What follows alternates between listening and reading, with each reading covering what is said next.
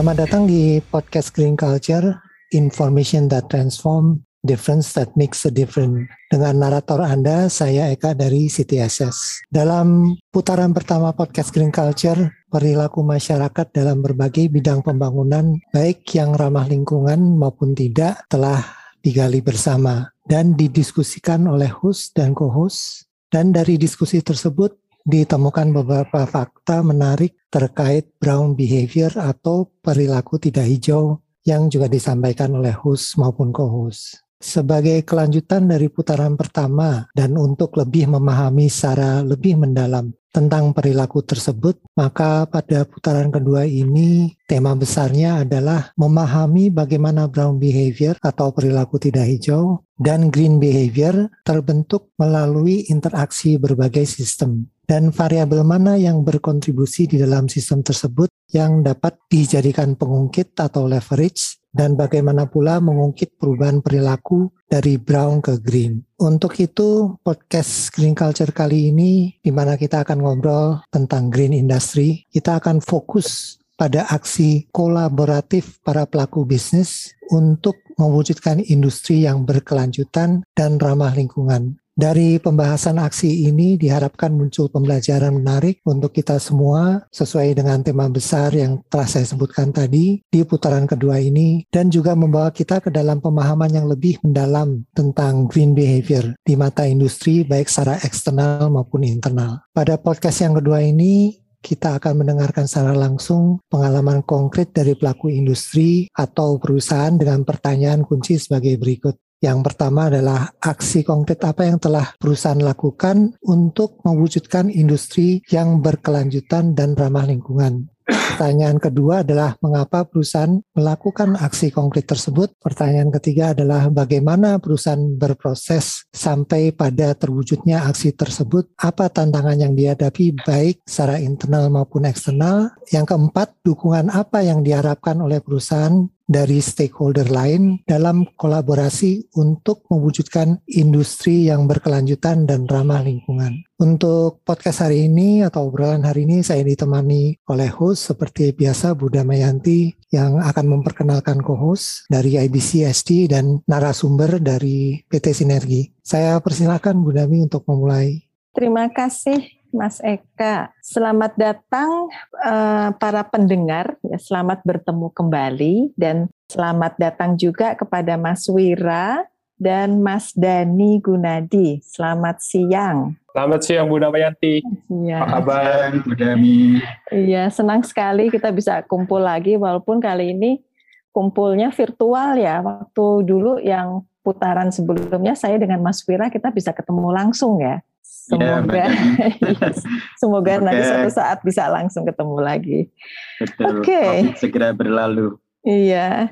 Jadi senang sekali nih ada Mas Dani Gunadi di sini. Nah, jadi mungkin uh, untuk mengingatkan kembali para pendengar gitulah ya. Jadi saya Damadi Bukhori dari CTSS, kemudian Mas Wira dari IBCSD. Uh, eh, dan seperti yang dikatakan uh, Mas Eka tadi, ada tamu Mas Dani Gunadi dari PT Sinergi. Signify. Uh, oh, Signify. Oh my God, I'm so sorry. Saya yang salah, maaf. oh, Oke, okay. dari Signify. Nah, jadi sebelum kita ngobrol-ngobrol, kalau boleh uh, ingin kenalan dulu nih sama Mas Dani Gunadi. Yes. Uh, bisa memperkenalkan diri dulu kepada para pendengar kita mungkin. Who are you dan apakah itu PT Signify? Yes. Cantik banget namanya. Monggo. Thank you, uh, terima kasih uh, Ibu Damayanti. Uh, suatu kehormatan dan senang sekali ya bisa diundang di uh, sesi ngobrol seperti ini. Jadi mungkin uh, masih ada orang yang baru pertama kali dengar uh, Signify Indonesia. Jadi sebenarnya company ini berasal dari uh, Philips Lighting yang kita tahu bersama ya, mungkin selalu oh. menerangi kehidupan kita semua lah ya, karena memang company ini kan sudah berdiri sejak tahun 1890-an lah ya.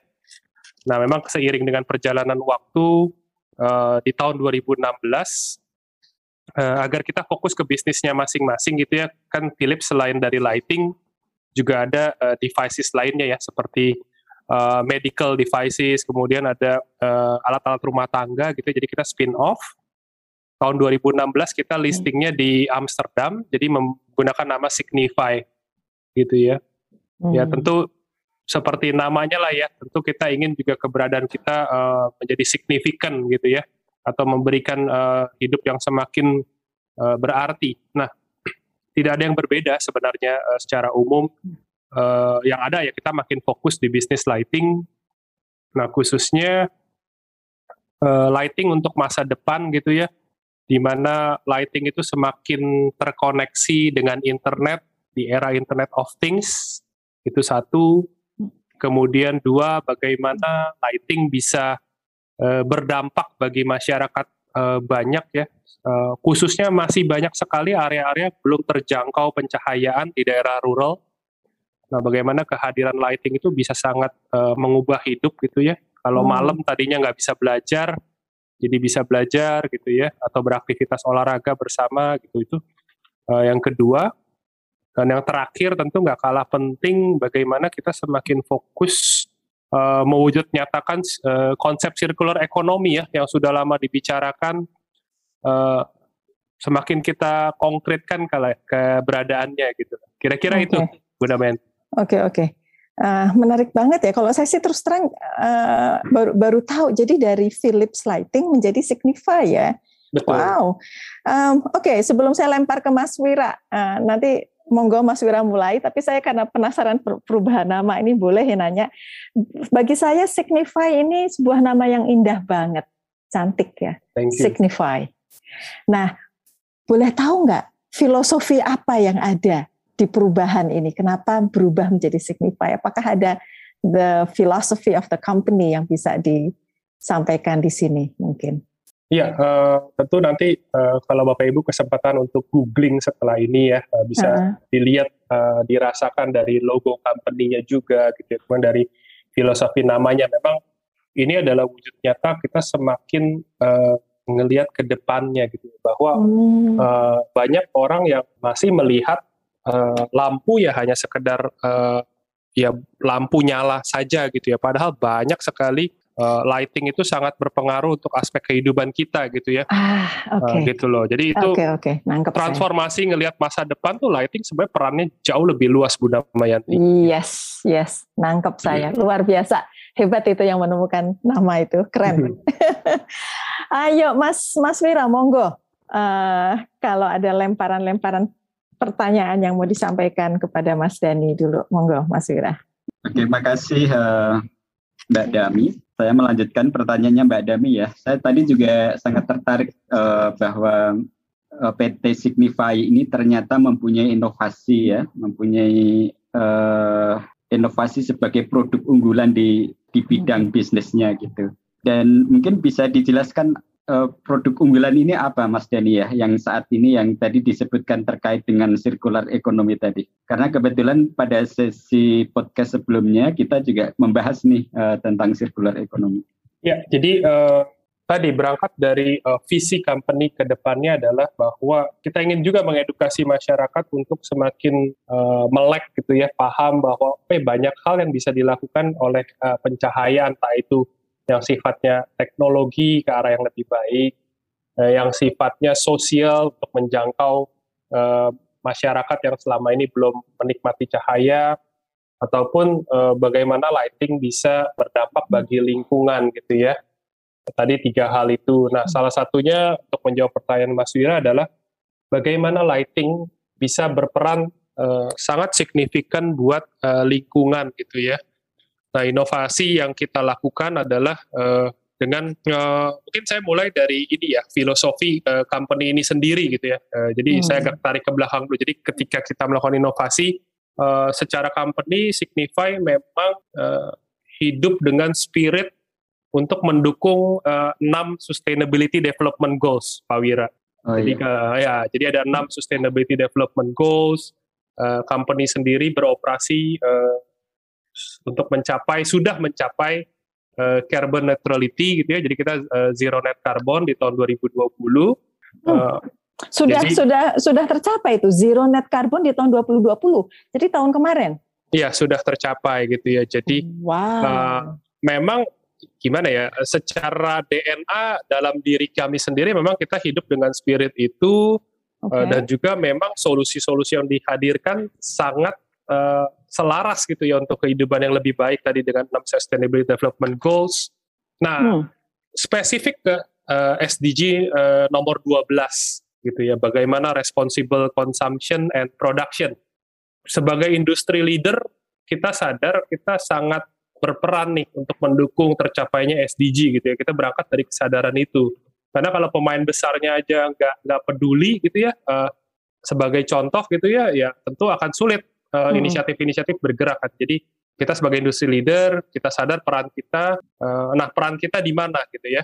Ya karena kita di industri lighting, kita melihat di tahun 2030 nanti jumlah lampu itu akan jumlah lampu yang dibutuhkan itu akan meningkat hingga 60 miliar lampu gitu ya 60 miliar pieces uh, lampu entah itu bohlam ataupun jenis lainnya ya nah bagaimana kebutuhan pencahayaan yang sebesar itu kalau tidak diimbangi oleh inovasi teknologi yang tercipta adalah kelangkaan energi nanti bagaimana cara kita memberi uh, daya energi untuk uh, menerangi 60 miliar lampu gitu ya Mm-hmm. Jadi kita sadar, oh kita harus inovasi nih, menciptakan lampu yang semakin hemat energi.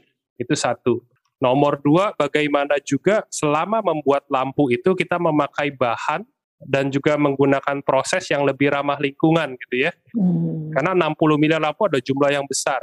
Mm. Nah kemudian yang ketiga adalah lampu yang lebih ringan.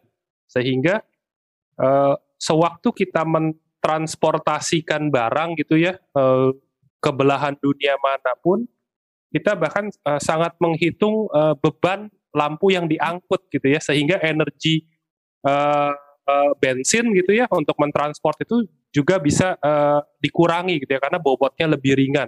Kemudian umur lampunya yang lebih panjang uh, sehingga tidak cepat ganti gitu ya, karena kan setiap lampu pasti ada kemasannya ya. Kalau lebih hmm. cepat ganti berarti kemasannya makin banyak yang dipakai dan juga turunan aktivitasnya tentunya. Jadi umur lampu yang lebih panjang, dan yang terakhir kita menggunakan teknologi yang uh, industri 4.0 Budami. Jadi kita menggunakan uh, lampu itu sekarang dicetak, di print dengan hmm, printer tiga dimensi. Gitu printer gitu ya. tiga dimensi. Ya, printer ya, ya. tiga dimensi. Sehingga nanti ketika hmm. habis umur pakai, sekitar 80% dari materialnya, mayoritas sekali, bisa itu bisa didaur ulang. Iya, wow. Nah, sehingga Nah, yang terakhir adalah dengan keseluruhan inovasi dan cara pandang seperti ini, uh, per titik lampu itu setara dengan uh, 40 kg carbon reduction, gitu ya. Oh, Dibandingkan uh, rumah lampu pada umumnya yang kita tahu saat ini, gitu ya. Okay. Nah, itulah kurang lebih uh, inovasi yang kita mengarahnya ke sana, Budami Pak Wira. Gitu. Jadi yang disebut tadi net zero itu yang baru dijelaskan ini ya di antaranya ya? Uh, kan 2020 sudah tercapai net zero itu?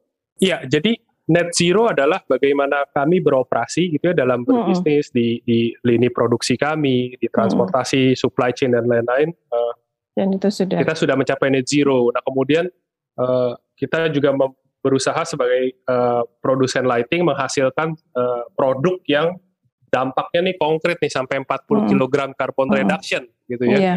Tadi Kira-kira. tadi ada ada satu poin yang umur lampu yang lebih panjang ya tadi ya.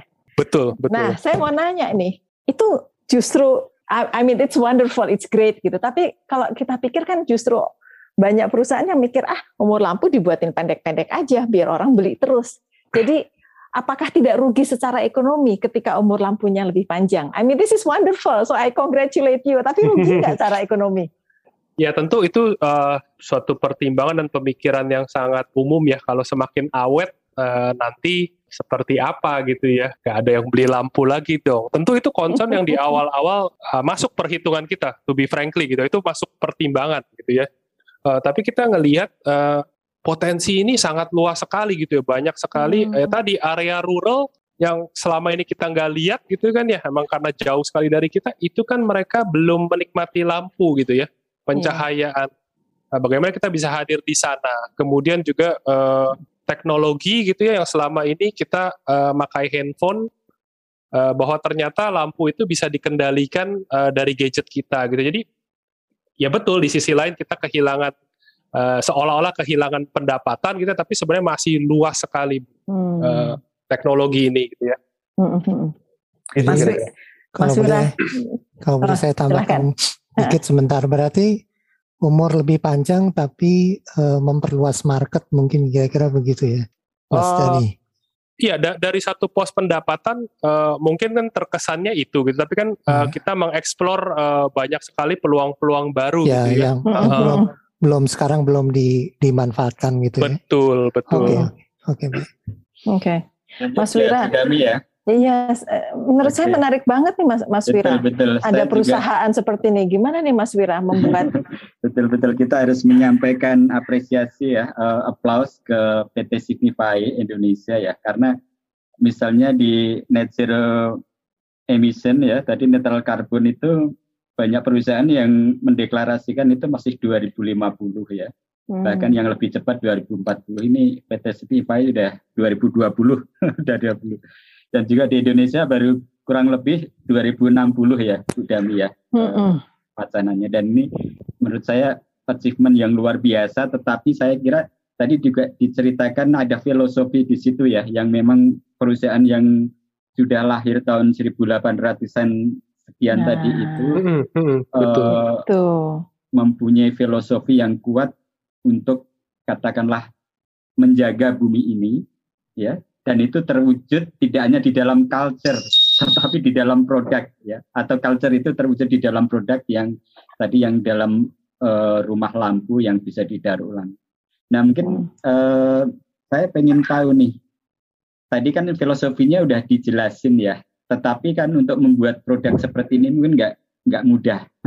Pasti ada uh, mungkin ada riset ada uh, sehingga produk itu sampai siap dilempar ke pasar saat ini. Nah mungkin Mas Dani bisa ceritakan eh, bagaimana kira-kira proses sampai terwujudnya produk inovatif dari PT Signify ini. Ya, jadi memang eh, ketika kita mengembangkan suatu solusi gitu ya, inovasi eh, yang ideal tentu harus dari dua arah gitu ya, perkembangan teknologi dan juga memang harus menjawab eh, kebutuhan di masyarakat gitu ya, terutama di di B2B gitu ya uh, sebagai pelaku bisnis. Uh, secara teknologi kita melihat uh, metode produksi dengan menggunakan uh, 3D print itu kan adalah bagian dari uh, industri 4.0 ya itu masa depan. Ke depan pasti akan semakin banyak uh, menggunakan uh, metode produksi itu. Jadi kita lihat masa depannya itu akan ke arah sana. Uh, di sisi lain kita ngelihat juga uh, concern akan lingkungan itu semakin konkret gitu ya, semakin banyak orang merasa uh, yuk kita harus do something dan beberapa bisnis uh, yang menggembirakan juga sudah mulai uh, bergerak ke arah uh, ya sustainability report yang makin serius gitu ya. ya mulai berani spending yang agak lebih tinggi tetapi punya dampak terhadap lingkungan. Jadi kombinasi itu sih Pak Wira ya. Jadi teknologinya juga memang ada, kesadaran masyarakat sudah mulai muncul, uh, needs-nya juga ada. Jadi sebelum pandemi beberapa rekan-rekan uh, pariwisata di Bali juga sempat ngobrol gitu ya bilang, Mas kita ngelakuin sesuatu yuk buat Bali. Itu loh limbah-limbah lampu itu kadang kita bingung gitu ya. Makin lama makin numpuk. Terus kalau mau dibegitukan saja dibuang kan nanti bahaya terhadap lingkungan. Kita do something yuk agar sesuatu ini bisa di recycle gitu kan Uh, jadi memang udah semakin nyata dan mengerucut gitu loh kira-kira itu Pak Wira. Uh, Mas Dani, saya ya. mau mau nanya ini ini uh, mungkin pertanyaannya off off ini off dari boleh boleh silakan. Soalnya gini saya kan uh, orang ekologis ya dan hmm, saya uh, khususnya memang bekerja dengan serangga gitu. Hmm, nah ternyata di dalam dunia serangga ini ditemukan bahwa akhir-akhir ini kan kunang-kunang itu makin hilang. Ya. Hmm, hmm. makin habis dan tentu saja itu ada berbagai macam uh, akibat karena ekosistem hmm. berubah, deforestasi lah, land use berubah, kemudian pestisida dan sebagainya. Tetapi salah satu yang kemudian juga ditemukan adalah kunang-kunang uh, menghilang itu di antaranya katanya karena lampu loh, mas. Oh ya, oke. Okay. Iya, soalnya gini, kunang-kunang itu kan dia bercahaya ya. Hmm. Wah sudah sebetulnya ketika dia melancarkan cahayanya itu dia adalah dia berkomunikasi berkomunikasi eh, antar sama satu spesies antara jantan dan betina. Jadi ketika mereka mau kawin, mereka itu saling flashing their lights gitu. Kemudian saling bisa menemukan itu karena cahayanya tersebut. Nah, katanya dengan makin banyaknya lampu di mana-mana itu mengganggu proses reproduksi kunang-kunang. Menarik nggak itu? pasti pasti nggak pernah denger ya. iya iya benar. Nah, benar. jadi jadi ini menarik nih di antara tadi Mas Dani mengatakan bahwa uh, kenapa salah satu sebab berubah nama itu karena lighting itu is more than just light. It's about yes. life. It's it's it's about the whole apa ya kehidupan Betul. itu sendiri kan ya. Bagaimana livelihood masyarakat itu menjadi meningkat karena adanya lampu dan sebagainya. Tetapi ternyata ada dampak negatif ini terhadap ekologi yang mungkin teman-teman di Signify sendiri belum tahu. Um, Betul anyway, saya saya tidak mengarah ke mana-mana sih, cuman mikir aja yeah. bahwa yang namanya teknologi itu selalu ada uh, apa ya katanya kan uh, pisau bermata dua gitu betul, lah. Ya. Betul, Jadi mungkin. Kalau, saya langsung. Ya silahkan, silahkan. Tanggapan Wah. tanggapan Mas Yani gimana terhadap kondisi itu? Enggak, saya saya saya langsung flashback terakhir saya lihat kunang-kunang di usia berapa gitu. ya udah lama banget ya ngeliat kunang-kunang. Uh, Iya, mungkin lebih dari 10 tahun lalu saya lihat kunang-kunang ya, benar juga ya. Mungkin lebih mas saya, lebih dari 20 tahun kali. Atau karena saya lebih tua. Iya, atau memang mungkin ya seperti kita tahu kan kita hidup di perkotaan ya, semakin ya sedikit juga kan lahan terbuka ya. ya anyway kita balik ke uh, poin utama. Betul yang Ibu Dami sampaikan betul uh, bahwa lighting itu apa ya spektrumnya itu sangat luas mempengaruhi kehidupan uh, uh, kita semua ya. Jadi terlepas dari yang teknologi yang disampaikan di sini, mungkin untuk menambah pengetahuan kita semua juga Signify uh, memiliki inovasi uh, lighting yang uh, untuk segmen horticulture, Bu. Jadi bagaimana peran lighting itu bisa uh, hmm. meningkatkan hasil produksi panen produksi uh, tanaman, oh. uh, meningkatkan produktivitas untuk uh, poultry gitu ya, unggas, uh, fishery. Uh, ya, ya. ya, jadi ya memang Menarik. betul yang ibu sampaikan. Jadi ada dampak positif, uh, negatifnya yeah. gitu ya. That's uh, part of life, ya. Yeah. Tapi Paham. part dari diskusi yang biasa kita lakukan juga kepada stakeholders, uh, betul. Jadi kita selalu menekankan, uh, tolong uh, kita sama-sama pakai lighting itu pada waktu yang tepat dengan dosis yang tepat, ah, gitu ya. Bagus uh, sekali. Ya, jadi bagus. Uh, karena sering kali juga pemahaman di masyarakat uh, sesimpel menghemat lampu itu uh, dimatikan aja. Mm -mm. Mm -mm. Uh, atau dikurangi lampunya tadinya di, di, di, di gedung ada lima titik jadi dicabutin lampunya hanya tiga titik hmm. uh, jadi kadang masih juga Penting. penerapan yang kurang tepat gitu ya. Iya, jadi, bijak uh, bijaksana menggunakan lampu ya. Betul. Okay. sehingga polusi lighting juga kadang-kadang di gedung gitu ya di fasad uh, permukaan gedung uh, tepat untuk ya jangan sampai lightingnya spill gitu ya ke mana-mana. Jadi menyebabkan polusi pencahayaan seperti yang Bu Dami bilang. Itu juga part dari diskusi kita gitu ya. Hmm, okay. itu juga uh, betul betul. Oke okay, makasih. Uh, Mas Eka ada pertanyaan ya uh, tadi uh, Mas Dani kan menyebutkan bahwa Signify ini spin-off dari Philips ya nah kemudian produk yang kita bahas di sini itu kan adalah rumah lampu ya. Betul. Nah, mungkin bagi pendengar yang mendengar Philips itu eh, kebayangnya lampunya mas, bukan rumahnya mas. Betul. mungkin bisa sedikit diperjelas gitu, jadi rumah lampu dan lampu itu bagaimana gitu. Ya, thank you. Uh, terima kasih uh, Pak Eka. Jadi uh, Betul sekali gitu ya, terutama untuk segmen uh, kita di rumah ya, rumah tangga. Uh, mungkin mayoritas dari kita familiar dengan bohlam ya, bohlam. Ya benar. Jadi uh, hanya apa ya bola lampunya saja, tabung lampunya saja gitu ya, lampu TL gitu ya. Uh, tetapi kan ruang lingkup lampu ini kan luas sekali ya, lampu ada di pabrik, di jalan raya, di hotel, di mana pun gitu ya. Jadi uh, tentu perbedaan kebutuhan, perbedaan uh, aplikasi membutuhkan lampu yang berbeda gitu ya. Jadi uh, wajar mayoritas dari Indonesia, masyarakat Indonesia pahamnya dengan bola lampu ya, karena itu yang kita pakai di rumah. Tetapi Philips hadir memang bukan cuma di segmen rumah tangga, tetapi uh, di berbagai aspek kehidupan ya tadi di gedung-gedung itu yang memang akan lebih banyak pakai rumah lampu mas gitu ya dibanding bawah hmm. lampu hmm. gitu kira-kira itu. Oke. Okay. Jadi okay. jadi jangan sampai pendengar bayanginnya yang di kita bicarakan tuh bola lampu ya, bukan sebenarnya, tapi rumah lampu gitu ya. Paket. Iya. Satu paket ya Mas Ika ya. Iya. Iya, okay, okay. benar-benar. Bahasa pasarnya kap lampu lah gitu ya. Nah, bahasa pasar kap lampu lah. Oh. Okay. Got it. Aku juga nggak ngerti tadi. Jadi makasih Mas Eka mengklarifikasi lebih paham juga. Soalnya aku sebagai orang awam gitu ya, nggak bakal beli kan kap lampu yang aku beli rumah tangga ya bola lampu gitu ya. Betul, betul. Oke oke. Oke, Mas Dani mau nanya lagi nih. Jadi tadi sudah menceritakan tentang proses terwujudnya ya sehingga bisa menjadi seperti sekarang ini. Bisa nggak diceritakan pada kami ya tantangan yang dihadapi apa ya, baik internal maupun eksternal? Oke, okay, kalau di internal mungkin namanya inovasi kan berarti kita menuju ke sesuatu yang baru sesuatu yang baru uh, data historisnya agak terbatas gitu ya.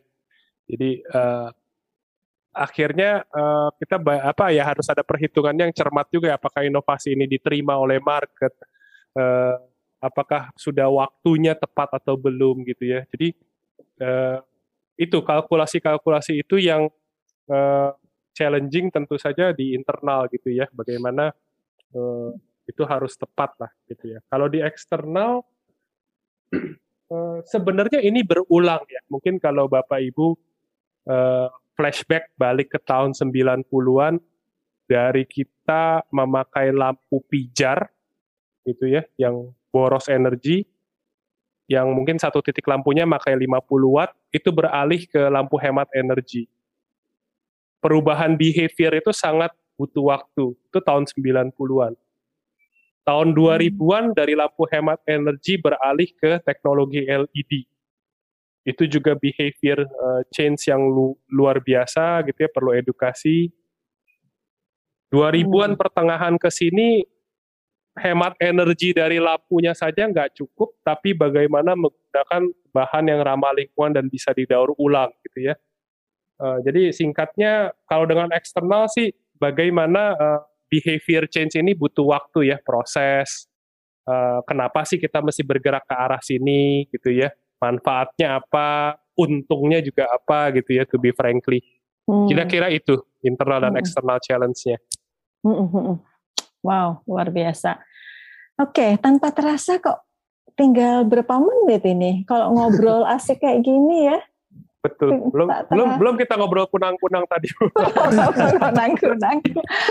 Oke, ini dari panitia. Sebenarnya masih ada satu pertanyaan lagi nih. Jadi mungkin Mas Wira silahkan Mas Wira, monggo. Oke, makasih uh, Mbak Dami, Mas Dani. Ceritanya sangat menarik ya. Yes. Uh, tadi mungkin ini ya pertanyaan terakhir mungkin juga saya kaitkan dengan tadi yang disebutkan Mas Dani di bagian awal bahwa sampai 2030 itu ada kurang lebih itu bisa uh, kebutuhan masyarakat ya masyarakat dunia juga mungkin ini ada ya. 60 miliar lampu gitu ya. Betul. Kap, atau dan itu mungkin kalau butuh kap lampu itu juga ada barang yang segitu banyak. Betul. Dan kalau misalnya orang uh, membeli itu terus langsung dibuang gitu ya, itu kita bisa membayangkan sampah tumpukan sampah, tetapi juga mungkin dampak-dampaknya ya dengan zat-zat uh, kimiawinya itu terhadap lingkungan. Betul. Maka uh, uh, produk PT Signify ini saya kira luar biasa uh, bahwa rumah lampunya bi kalau rusak itu bisa dikembalikan gitu ya, lalu bisa didaur ulang oleh perusahaan. Nah Betul. mungkin uh, pertanyaannya adalah juga terkait dengan tantangan eksternal tadi ya, bahwa mungkin perusahaan juga tentunya butuh mitra-mitra lain ya, berkolaborasi dengan pihak-pihak lain, termasuk masyarakat, termasuk konsumen atau bahkan juga pengambil kebijakan uh, agar mungkin pemahaman terhadap produk baru ini juga dipahami, uh, terutama juga dalam kaitannya tidak hanya kebutuhan akan lampu ya, tetapi juga uh, dampaknya terhadap lingkungan itu jika kita tidak uh, bersikap atau berbehavior tadi yang ramah lingkungan. Nah mungkin apa nih yang diharapkan uh, kolaborasi dukungan dari PT Signify Indonesia ini untuk mendorong agar produk-produk ramah lingkungan ini bisa didukung atau dilihat dan masyarakat mungkin bisa beralih juga ya dari Betul. produk yang tidak ramah lingkungan menjadi ramah lingkungan. Ya, uh, thank you uh, Pak Wira. Uh, kami melihat dua hal.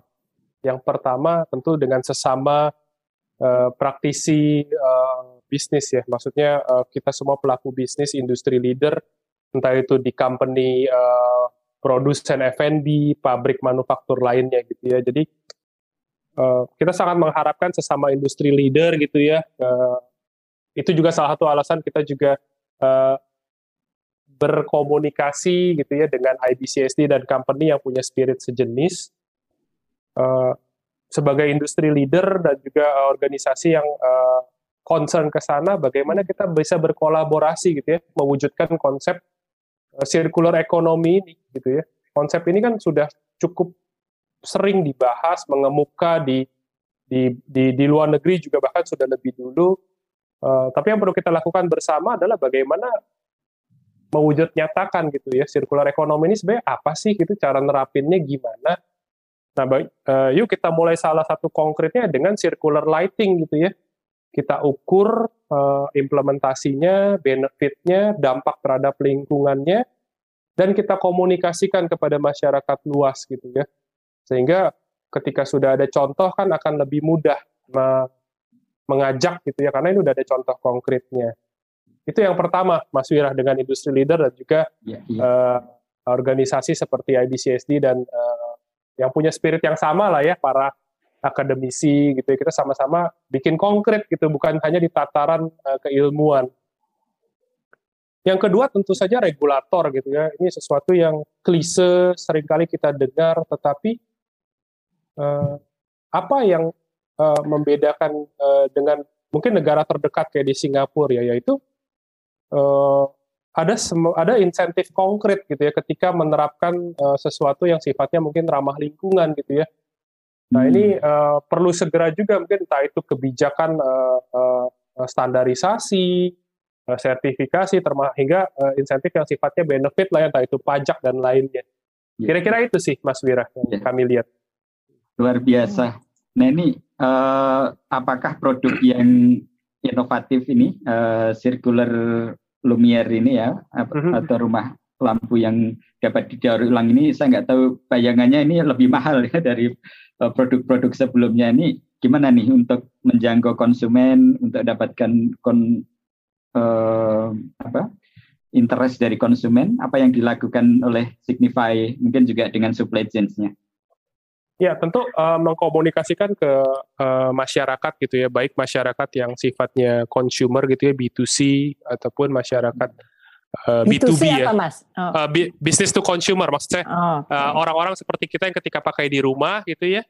Uh, hmm. itu uh, kan market uh, rumah tangga dan juga kepada market pemakai di segmen bisnis gitu ya.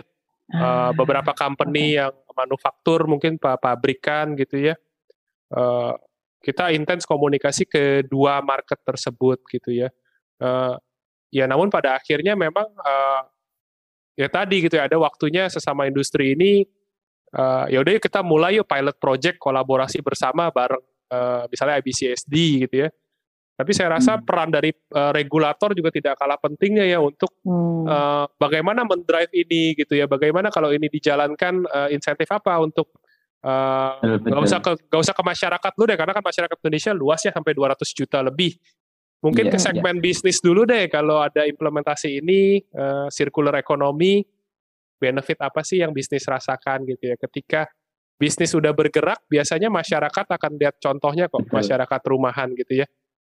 Betul, Karena betul, toh orang-orang yang bekerja di bisnis dan pabrikan kan juga akan jadi masyarakat uh, rumahan juga ya di rumah masing-masing gitu kan. Iya. Iya, jadi itu. Gitu. Ya, Mas Dani, saya ada satu pertanyaan nih, Mas Dani. Ya. Uh, kebetulan kan saya juga sebelum sebelum ini nyemplung ke sini kan kerja di manufaktur ya. Dan Philips adalah salah satu produk yang saya beli karena saya adalah sebagai buyer juga. Tentu dengan merek-merek lainnya adalah ya, Betul. tidak perlu saya sebutkan ya. Iklan lagi. Iya, ya, saya penasaran nih uh, kap lampu yang yang signify uh, pasarkan di Indonesia ini uh, apa namanya produk luar negeri ya?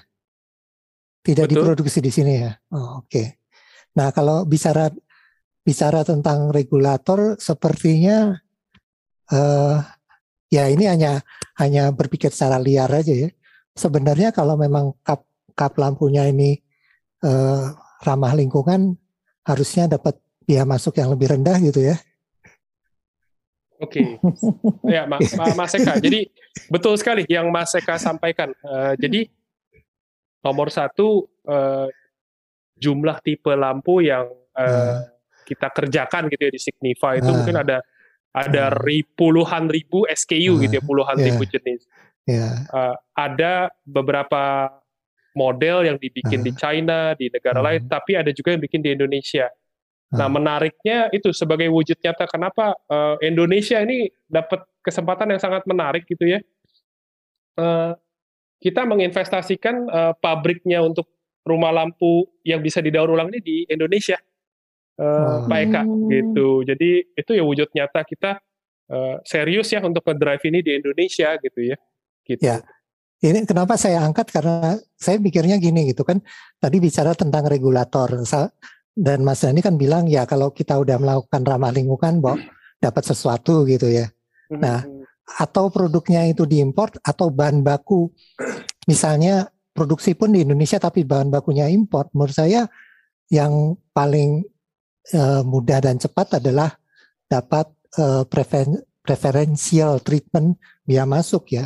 Tapi biaya masuk kan tuh berdasar kode HS dan kode HS itu kan ditetapkan pokoknya kalau kode segini ya masuk sekian selesai nggak ada cara lain kan nah mungkin ini buat uh, pemikiran buat, aja betul gitu Gimana, buat masukan gitu. para regulator gitu ya ya, ya kurang lebih begitulah oh, ada oh, masukan iya, perusahaan iya. udah berbuat baik untuk lingkungan dan kita semua kok yo pasti diperlakukan sama gitu. Ah, itu loh ya. saya itu aja. Thank you.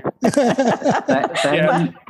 Kalau boleh saya ingin menambahkan yang disampaikan Mas Eka ya. Oh. Karena ini kebetulan kan yang model circular economy ya, produk inovasi yang seperti dilakukan oleh Signify ini masih terbatas. Bahkan juga masih di ekonomi global itu hanya dikatakan nggak ada 9% gitu. Maka kalau ada pionir-pionir pionir perusahaan yang bisa melakukan produk ini menurut saya uh, mesti hmm. mendapat insentif dari yeah pembuat kebijakan ya Mbak Dami ya. Iya. Supaya muncul model-model bisnis baru yang mendorong uh, membantu menciptakan kelestarian lingkungan ini khususnya dengan produk mm -hmm. yang dipakai oleh masyarakat seperti mm -hmm. rumah lampu ini. Iya. Betul.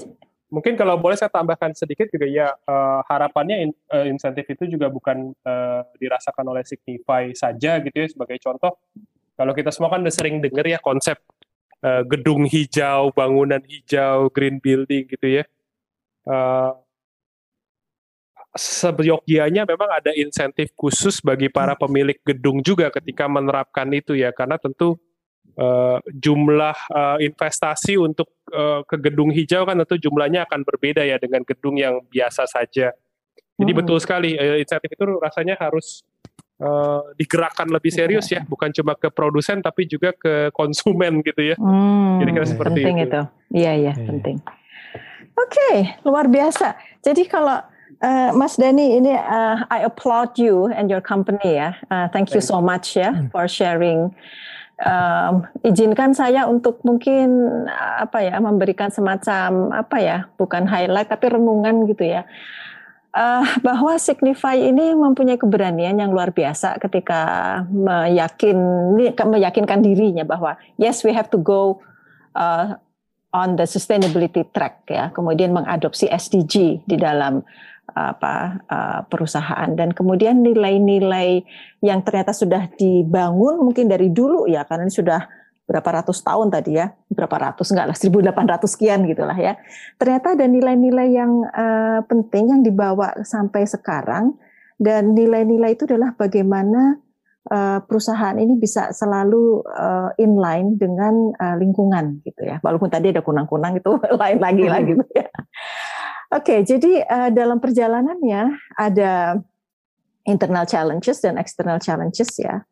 Uh, tetapi so far ternyata uh, those challenges sudah berhasil diatasi dan ada harapan terhadap stakeholder di antaranya misalnya terhadap pembuat kebijakan ya sehingga ketika perusahaan sudah menunjukkan their apa ya, commitment kepada sustainability um, sebaiknya juga ada kebijakan-kebijakan yang bisa mendorong uh, terjadinya perubahan culture di perusahaan-perusahaan lain. Jadi Signify sudah menjadi uh, apa ya pendobrak sudah menunjukkan how and why you are doing this. Dan ini semoga bisa dilanjutkan lagi dengan perusahaan-perusahaan lain tetapi memang masih tetap memerlukan uh, kebijakan yang memang akan mendorong lahirnya inovasi-inovasi baru seperti ini. Mungkin kurang lebih seperti itu ya kali ya ya uh, betul sekali. Oke, okay. Mas Wira, is there any uh, atau gini, Mas uh, Dani, is there any closing remark dari Mas Dani sebelum kita tutup ini? Ya, Jika uh, ada.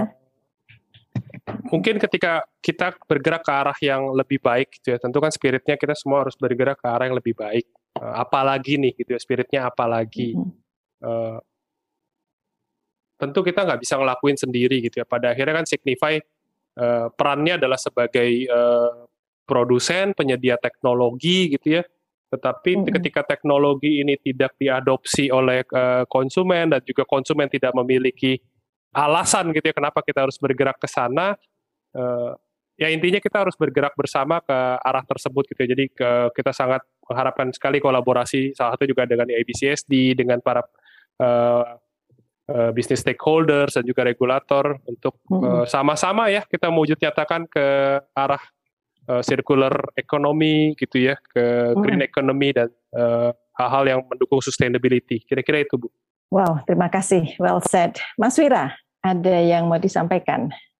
Oke, okay. mungkin saya juga ingin mengakhiri mungkin uh, dengan menekankan gini ya, um, karena pada putaran podcast yang lalu kita membahas mengenai aspek budaya juga yang mempengaruhi kenapa kita susah bergerak atau pindah ke eh, ke model atau gaya hidup yang lebih hijau, lebih ramah lingkungan.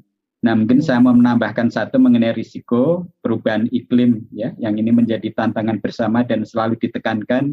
Semoga ini menjadi kesadaran bersama, menjadi ketahui bersama juga oleh masyarakat masyarakat di, di level bawah gitu bahwa uh, risiko perubahan iklim itu nyata gitu ya.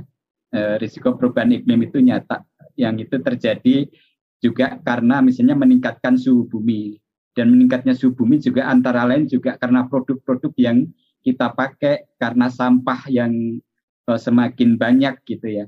Maka kalau ada model bisnis baru ya, produk yang ramah lingkungan seperti ditawarkan oleh PT Signify ini yang perlu kita dorong ya, kita dukung juga sehingga uh, produk yang kita hasilkan ini semua ramah lingkungan.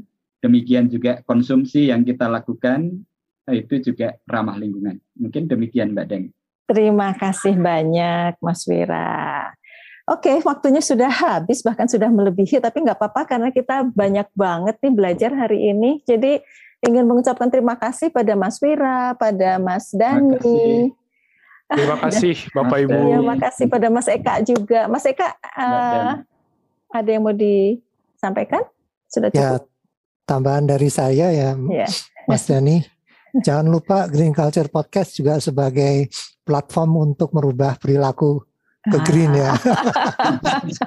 Betul. Jadi wonderful. Jadi, kalau satu kolaborasinya Mas. Ya, kalau ya, nanti diajak lagi moga-moga berkenan ya. Mhm. Ya, semoga yang kita lakukan bersama juga ini ya bisa memberikan impact ke terutama ini ada di Spotify juga ya. Saya lihat yeah, ya. Iya, yeah, yeah, betul, betul, ya, betul. bisa menjangkau yeah. ke generasi yang uh, lebih uh, berikutnya gitu ya. Iya, ya, yeah, benar sekali. Benar. Betul, tujuannya yeah, itu. Yeah. Oke, okay, jadi terima kasih semuanya, terima kasih pendengar dan jangan lupa nanti ikut lagi untuk uh, podcast berikutnya. So stay tuned for another uh, of our episode. Terima kasih, sampai jumpa. Terima kasih, Terima kasih semua. Terima kasih, sampai jumpa.